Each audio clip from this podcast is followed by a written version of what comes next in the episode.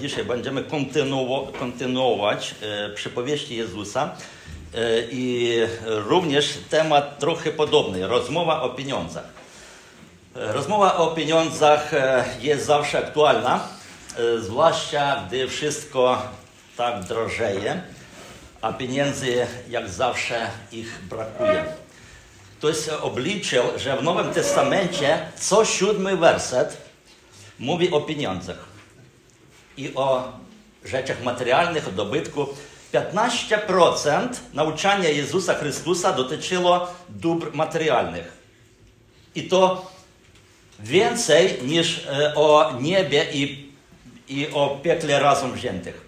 Myślę, że dzieje się tak dlatego, że temat w stosunku do dóbr materialnych dotyka niemal każdego i wiele razy. Codziennie po 8 godzin, a może i po 10 my myślimy, no nie wiem jak kto, ale dużo ludzi o tym myślą i myślą, e, w jaki sposób imi zarządzać. E, Oraz dzisiaj przypowieść Jezusa dotyka właśnie kwestii finansowych, a dokładniej stosunku do pieniędzy i uczciwości finansowej. Otwórzmy Łukasza 16 rozdział. Przeczytamy e, trzy fragmenty, e, jeden po drugim. E, to jest e, jeden taki e, cały, ale na trzy części. E, Pierwsze osiem e, wersetów to będzie przypowieść Jezusa o sprytnym zarządcy. W dziewiątym wersecie mamy wniosek z tej przypowieści, e, które, której op- omówimy. I potem e, z 10 po 13 jeszcze fragment e, nauczania o wierności. I e, również dotyczy naszego kontekstu e, tej przypowieści. W całości przypowieść, którą za chwilę przeczytamy oraz e, wnioski o wierności były skierowane do uczniów Jezusa, które zawsze podróżowali z Nim. Ale czytamy dalej w 14 wersecie, że Jezus, że do Jezusa przysłuchiwali się faryzeusze, którzy kochali pieniądze. Łukasza 16, 14. Do niego przysłuchiwali się faryzeusze, którzy kochali pieniądze. Dlatego Jezus, wykorzystując przypowieść, naucza dalej o sprawiedliwości i prawie, co tak jest ważne nie tylko dla nas, ale szczególnie dla nich. Myśli o sprawiedliwości również jest zawarta i jest dość ciekawa, której nie będziemy niestety dzisiaj omawiać. Może w następnej przypowieści za tydzień e, o tym będzie wspomniano. Teraz proszę, wyobraźmy sobie, sobie pełnego księgowego, który zajmował się nadużyciem finansów firmy, w której pracował. Kiedy wyszły na jaw jego manipulacje, wtedy jego właściciel poprosił, żeby ten złożył raport przed tym, jak e, będzie zwolniony. Wyczuwając, że grozi mu pokaranie, księgowy szybko dzwoni do osób, które brali pożyczki w firmie i mówi do nich: Weź pokwitowanie i napisz, że wziąłeś znacznie mniejszą kwotę niż w, rzeczy, w, rzeczy, rzeczywistości. Potem do drugiego: weź i przepisz pokwitowanie. Zamiast 10 tysięcy napisz 5 tysięcy. No tak, to tylko nasze wyobrażenie. Czy Twoim zdaniem księgowy postępował uczciwie w stosunku do firmy albo wobec swojego sumienia? To jest takie retoryczne pytanie, na które nie musimy nawet odpo- odpowiadać. Jaka będzie reakcja jego szefa, gdy się o tym dowie? Oczywiście takie czyny zasługują na karę. I podobno przypowieść opowiada Jezus. Ale kiedy będziemy ją czytać, proszę zwrócić uwagę na reakcję tego pana właściciela, gdy dowiedział się, że jego zarządca jest nieuczciwy. Czytamy pierwsze osiem wersetów. Następnie zwrócił się do uczniów. Pewien bogaty człowiek miał zarządcę, którego złośliwie oskarżano przed nim, że trwoni jego majątek. Wezwał go zatem i powiedział: Dlaczego takie rzeczy słyszę o tobie? Przedstaw mi sprawozdanie swojej działalności, bo nie możesz już dłużej kierować gospodarstwem. wtedy zarządca pomyślał sobie, co mam zrobić, skoro mój pan odbiera mi urząd.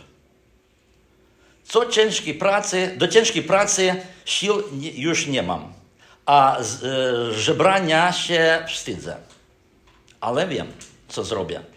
By mnie przyjęli do swoich domów, gdy już zostanie zdjęty ze stanowiska. I wezwał po kolei każdego z dłużników swojego pana. Pierwszego zapytał, ile jesteś dłużny mojemu panu? Sto baryłek oliwy, powiedział. Zarządca na to, bierz swoje pokwitowania, siadaj tu czym prędzej i pisz. Pięćdziesiąt. Drugiego zapytał, a ty jaki masz dług? Sto korów pszenicy. Odpowiedział. Zarządca na to, bierz swoje pokwitowania i pisz osiemdziesiąt. I Pan pochwalił nieuczciwego zarządcę, że tak przezornie postąpił.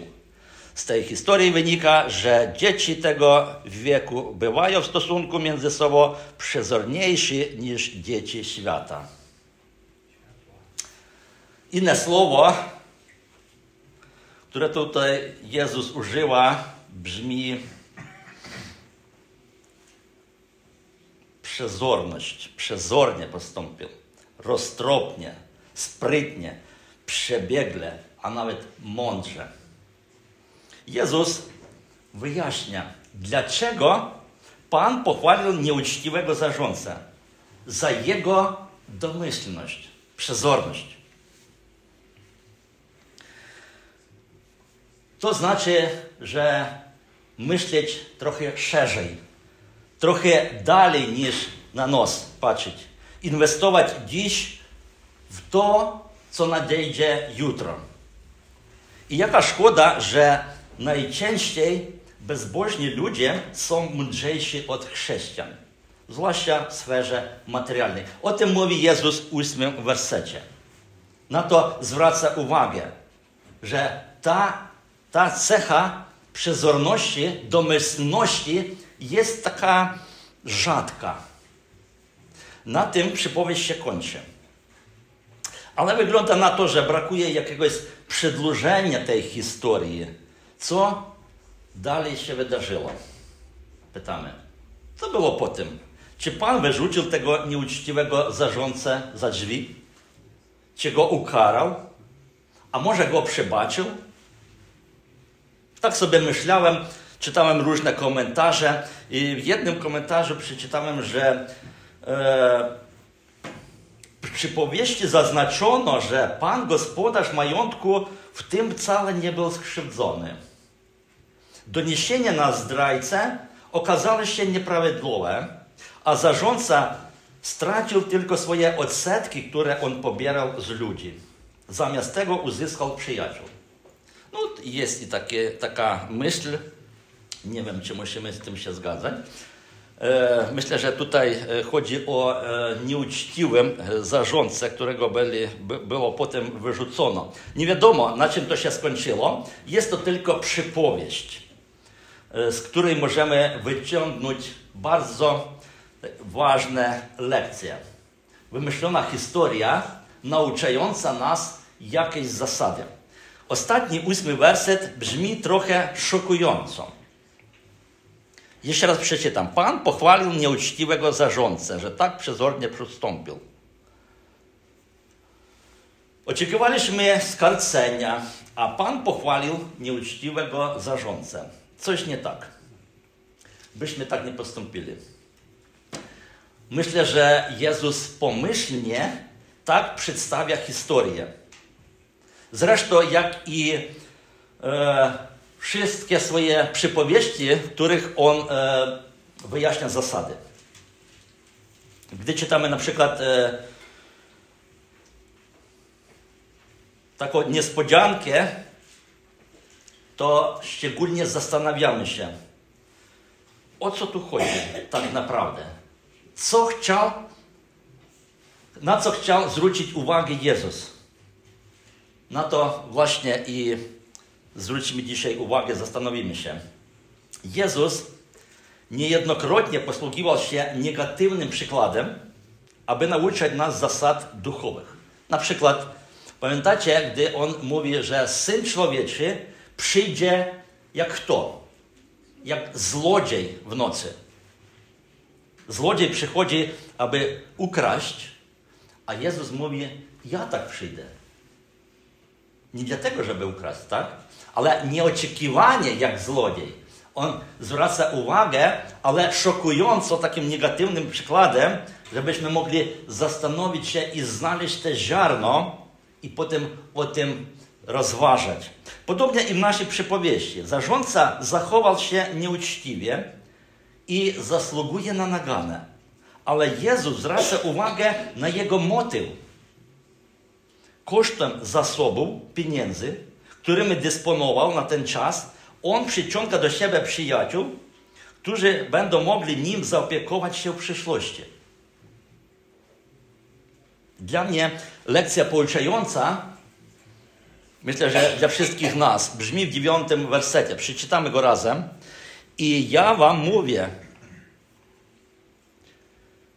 zjednujcie sobie przyjaciół pieniędzmi niesprawiedliwego świata, aby gdy czas pieniądza przeminie, przyjęli was do wiecznych przybytków.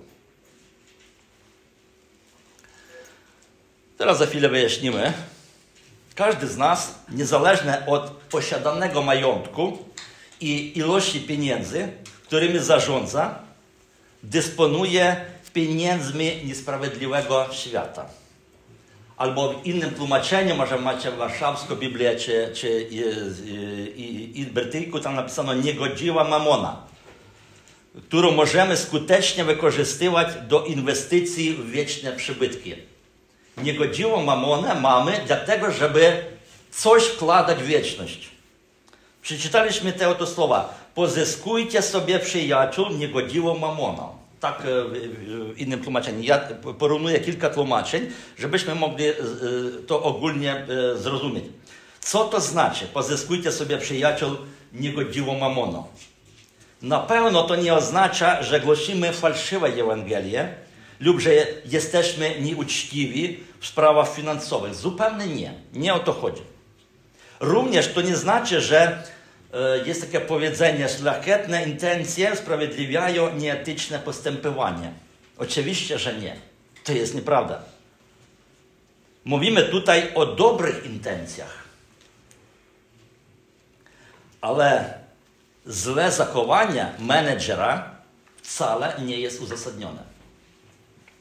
Wydaje mi się, że Pan wtrąci go do, do więzienia, jeśli jego działania okaże się nielegalne.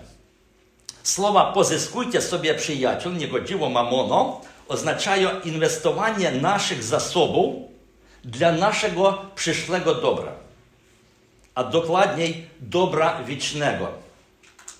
Słowo przyjaciele w przenośnym znaczeniu może tutaj oznaczyć niebiosa albo wieczne Królestwo Boże, które nas przyjmuje, do którego trafimy. Zwróćcie uwagę, gdy czas pieniądza się skończy, gdy przeminie ten świat, który posługuje się pieniędzmi, będziemy mieli coś, co już dzisiaj włożyliśmy, mając te pieniądze. Znaczy, wkładamy doczesność w wieczność. Mówiąc prost, co wynika z wersetu 9, Pan Jezus uczy mnie i Ciebie, aby, a, a, a, abyśmy korzystali z naszych zasobów materialnych, dopóki jeszcze ich posiadamy. Dopóki żyjemy w tym świecie i jeszcze nie minął czas pieniądza, to abyśmy korzystali z tych zasobów, aby rozwijać te królestwo, w którym będziemy spędzać wieczność. To jest taka przezorność, myślenie do przodu. Mogę powiedzieć to w inny, prostszy sposób. Zainwestuj swoje pieniądze, zdrowie, czas, dary, całą swoją duszę w niebiańskie nieruchomości i niebiański skarb. Jak to można zrozumieć? Jak to praktycznie zastosować? Zastanówmy się nad tym, czym są te inwestycje, które dzisiaj dysponujemy i które możemy inwestować. Nimi są miłość, dobroczynność, zwiastowanie Ewangelii niezbawionym, wsparcie misjonarzy, pracowników w dziele Bożym, kształtowanie chrześcijańskiego charakteru, na przykład takich cech jak cierpliwość, pokora, panowanie, wytrwałość i inne rzeczy, to są co nasze zasoby. To wszystko potrzebuje naszego czasu, wysiłku, pieniędzy. To dobra inwestycja w wieczność. Życie nasze, mimo tego, że jest bardzo krótkie, jakiegoś tam 100 lat, no, nie wiem, czy ktoś dożył do 100 lat, ale krótkie w porównaniu z wiecznością jest zbyt poważne, aby je lekceważyć, a potem żałować wieczności, że nie mogliśmy to, straciliśmy to, tą możliwość. Paweł nauczając o dawaniu, przytacza przykład Chrystusa, który oddał jedno swoje życie na ziemi, dlatego, żeby w wieczności mieć zbawienie dla wielu osób. I dzisiaj wspominaliśmy śmierć Chrystusa. Przeczytam 2 Koryntian. Paweł, nauczając o dawaniu, pisze takie słowo. Każdy więc niech się dzieli tak, jak postanowił w sercu, nie z żalem albo, przymus, albo z przymusu, gdyż Bóg kocha radosnego dawcę. Bóg też jest w stanie udzielić wam obficie wszelkiej łaski, abyście zawsze we wszystkim mieli dostatek i coraz częściej brali udział w każdym dobrym dziele. Zgodnie ze słowami, hojnie rozdziela, uspiera ludzi biednych, Jego sprawiedliwość trwa wiecznie. Ten dziewiąty werset z przypowieści, z Łukasza, na końcu przypowieści, mimo tego, że tak dziwnie brzmi, wcale nie naucza nas naśladować zarządcę w jego kombinacjach. Nie pomyślcie tak. Zarządca, którym czytaliśmy wcześniej, on nawet nie myślał o swoich przyjacielach i o swojej przyszłości. Żył dla siebie teraz, gdy miał możliwości. Żył dobrze. Pamiętacie przypowieść z, z e, wcześniejszego kazania. Za to właśnie za, za co on był pochwalony? Że w ostatnich minutach, gdy dowiedział się, że koniec ma swojej kadencji, on pomyślał o przyjacielach, pomyślał o przyszłości. Za to był pochwalony. Nie za nieuczciwość, a za przezorność. Znam taki przykład. Jeden z braci był dobrym fachowcem do remontu mieszkań. Po przeprowadzce do odległej dzielnicy miasta, to było w Kijowie, i musiał przez całe miasto dobierać się do swojej pracy, aby zarabiać. To trzeba było dwie godziny jechać w jedną stronę. Pewnego dnia sąsiad tuż obok poprosił go o pomoc w drobnym remoncie po domu, to on chętnie się, chętnie się zgodził, ale pobrał u niego minimalną kwotę. Sąsiad był zadowolony i zaproponował jemu długotrwałą pracę w swoim mieszkaniu. Ponadto zaczął opowiadać swoim sąsiadom o umiejętności tego specjalisty.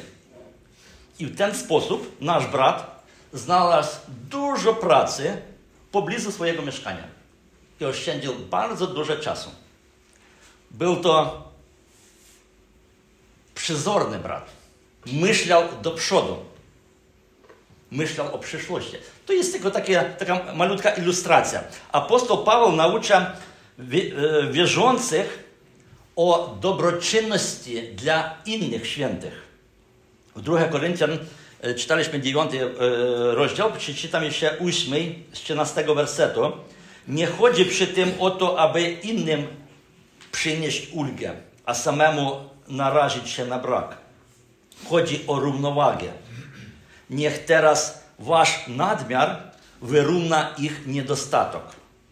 Kiedyś być może ich nadmiar wyrówna wasz brak i w ten sposób będzie równowaga. Jeżeli powiązać, kto chce o tym porozważać w domu, to przypowieść i następna, która będzie za tydzień, zobaczycie, jak e, taka sytuacja podobna, że człowiek bardzo bogaty, ale nieprzezorny, żył dla siebie, a potem w wieczności było odwrotnie. On był potępiony i ten, który był biednym w tym świecie, w ogóle nie mógł jemu pomóc niczym. E, może warto nam pomyśleć o swojej przyszłości.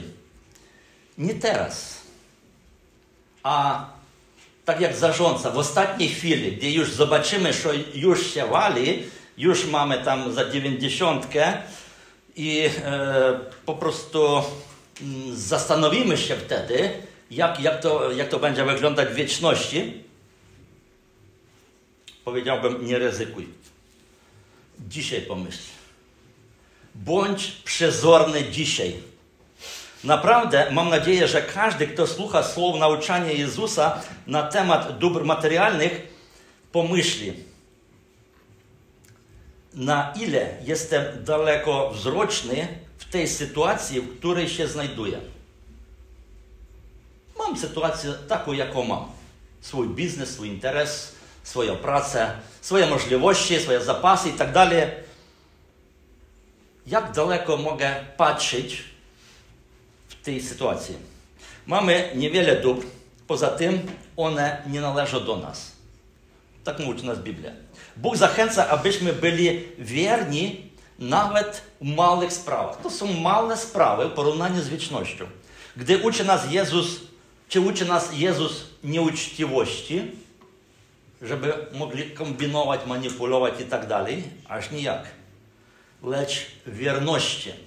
Wierności w małych sprawach. Przeczytamy jeszcze jeden fragment z 10 po 13 werset. Człowiek wierny w najdrobniejszej sprawie wierny jest i w wielkiej.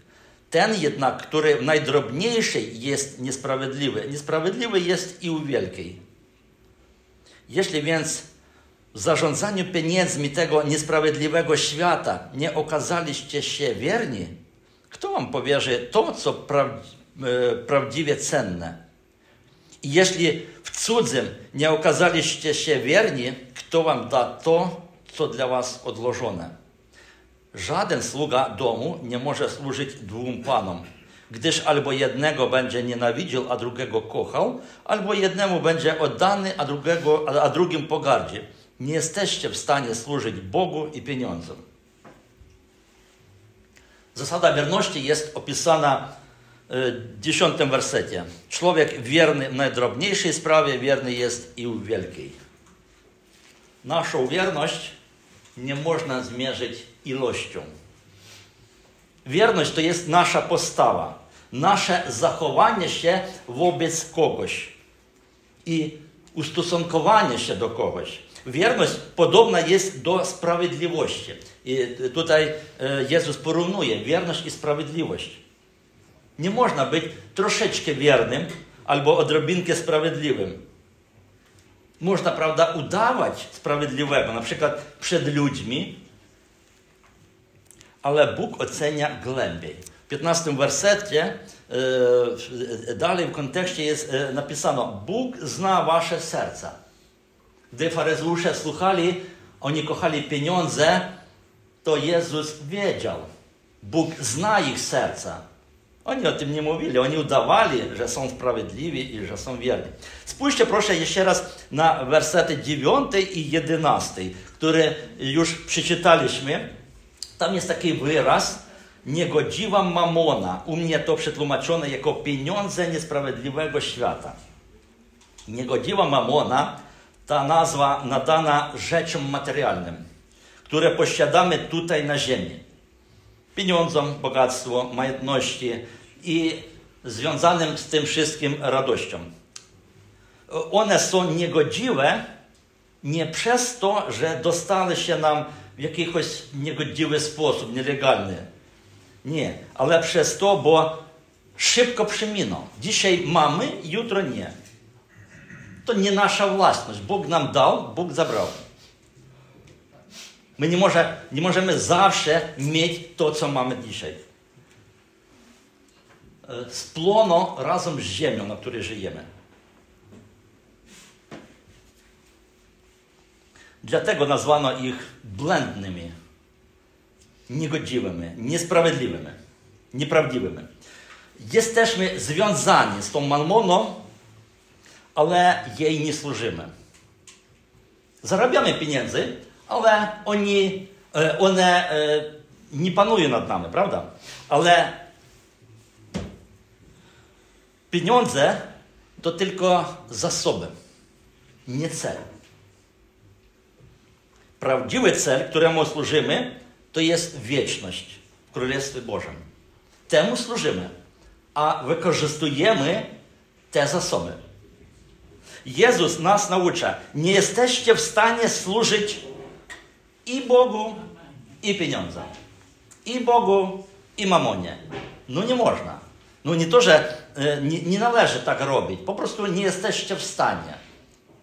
Człowiek nie może być, siedzieć na jednym krześle i jednocześnie siedzieć na drugim krześle. On musi zdecydować, gdzie jemu usiąść. Tak i tutaj. Albo Bogu, albo mamonie. To jest trzynasty werset. Pieniądze mamy, ale służymy Bogu. Można mieć pieniądze. Dużo można mieć pieniądze. Bardzo dużo. Ale nie można służyć tym pieniądzom. Nie możemy służyć. Jeżeli służymy Bogu, no nie, nie, nie będziemy służyć pieniądzom. Ale jeżeli służymy pieniądzom, no to będziemy udawać, że służymy i Bogu też. W zarządzaniu pieniędzmi musimy być wierni, a również przezorni. I Jezus zwraca uwagę na właśnie to rzecz. Przezorni, dalekowzroczni. Jezus zachęca nas, żebyśmy pomyśleli o swojej przyszłości, na przykład co stanie się z naszymi pieniędzmi za 5 lat albo za 10. Tak sobie usiąść i wyobrazić, napisać parę rzeczy. E, albo ile osób będzie się za tobą wstawiało, jeżeli znajdziesz się w tarapatach. No, gdyby coś, to kto ci pomoże? Ile masz przyjaciół? to jest też jakoś w jakiś sposób związany z, na, z, z, na, z naszym e, tym bytem. E, jak przedstawisz sprawozdanie Panu, który dał Ci dary, możliwości, talenty, korzyści materialne, a przedstaniemy przed Panem, w jeden dzień przedstaniemy i jak to złożysz te sprawozdanie, co powiesz? Czy Twoje życie jest teraz naprawdę tak słodkie, że nie potrzebujesz w ogóle tego, co Bóg obiecuje swoim wiernym w przyszłości. Ludzie niektórzy żyją tak, e, niby tej wieczności nie było. Dzisiaj dobrze, a może być jeszcze lepiej, a jeżeli wieczność, no to jakoś to będzie, jakoś to Bóg załatwi. To, to nie moja sprawa. Dzisiaj trzeba postarać się jak najlepiej żyć. Ale Jezus zwraca uwagę, nie, Pomyśl o przyszłości. Masz dzisiaj coś, pomyśl o przyszłości. Kilka tygodni temu już zwracaliśmy uwagę na gromadzenie skarbu dla siebie, zamiast wzbogacenia się Bogu. To była przypowieść o bogatym, ale bezmyślnym człowieku. I wtedy pastor Samuel przeczytał słowa Jezusa z Łukasza 12:34. Bo tam, gdzie jest wasz skarb, będzie też wasze serce. To jest taka, taka prawda życiowa. Co dla ciebie jest bardzo cenne, o tym ty, gdy wstajesz rano, o tym myślisz. Możemy nasze ziemskie bogactwa traktować jako okazję do służenia innym i w ten sposób powiększać swoją nagrodę w niebie. Już kończymy, bracia, siostry. Na koniec, jako wniosek, nauczmy się kilka lekcji e, stosownie pieniędzy. Pięć rzeczy mam takich. Po pierwsze, w drugim wersecie przeczytaliśmy Pan mówi swojemu zarządcy: Zdaj sprawę ze swego zarządzania. Nie nadużywaj dóbr materialnych, którymi dysponujesz, ponieważ tak naprawdę nie są one Twoje, ale należą do Boga. I w jeden dzień Pan Bóg powie Ci słowa. Zdaj sprawę z swego zarządzania. Druga lekcja, 9 i 11 werset, gdy czytaliśmy o pieniądzach niesprawiedliwego świata, o niegodziwym mamonie, pieniądze można wykorzystać w dobrym celu, ale również można ich wykorzystać w złym celu. To ja mam nimi zarządzać. Ja wybieram, na jaki cel ich skierować. Czy na prawo, czy na lewo. Ja zarządzam nimi, a nie oni mną. Trzecia lekcja z tej przypowieści, w 13 wersecie przeczytaliśmy, że sługa nie może służyć dwóm panom. Jeżeli jesteś sługą, to u ciebie jest pan. Nie dwa pany, jeden sługa. No jak, jak to można sobie wyobrazić? Jeden pan mówi idź tam, a drugi mówi stój tutaj. No i co mam robić? Sługa nie może służyć dwóm panom. Pieniądz ma wielką moc. On jest bożkiem, mamona. E, słowo mamona to jest e, słowo, które oznacza e, takiego dawniego bożka. Jemu ludzie też obostwiali jego. Dlatego należy uważać, aby nie uzależnić się od niego. Ponieważ każdy z nas, dorosły, ma do czynienia z pieniędzmi. I tutaj oni nazwano, nazwane pieniędzy niesprawiedliwego świata. Doczesne środki, zasoby albo niepra, niegodna mamona. Niegodziwa mamona. E, I jeszcze czwarta lekcja. W dziesiątym wersecie czytaliśmy o zasadzie wierności. Człowiek wierny w najdrobniejszej sprawie wierny jest w wielkiej. Bądź uczciwy nawet w drobiazgach.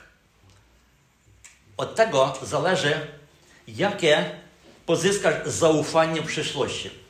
Czy to między ludźmi, czy to więcej w wieczności, o której, na, na, na którą zwraca, zwraca na, na naszą uwagę Jezus.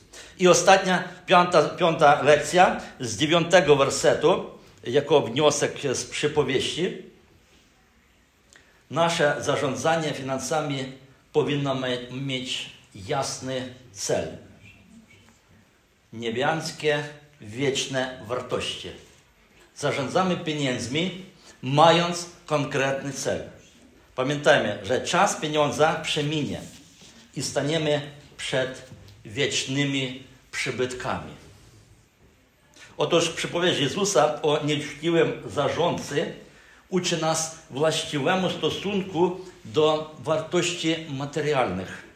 Zasada jest prosta. Oddawaj to, czego nie możesz utrzymać. I przyjmuj to, czego nie możemy zmarnować. Niech dopomoże nam Bóg. Chwała Jemu na wieki. Amen.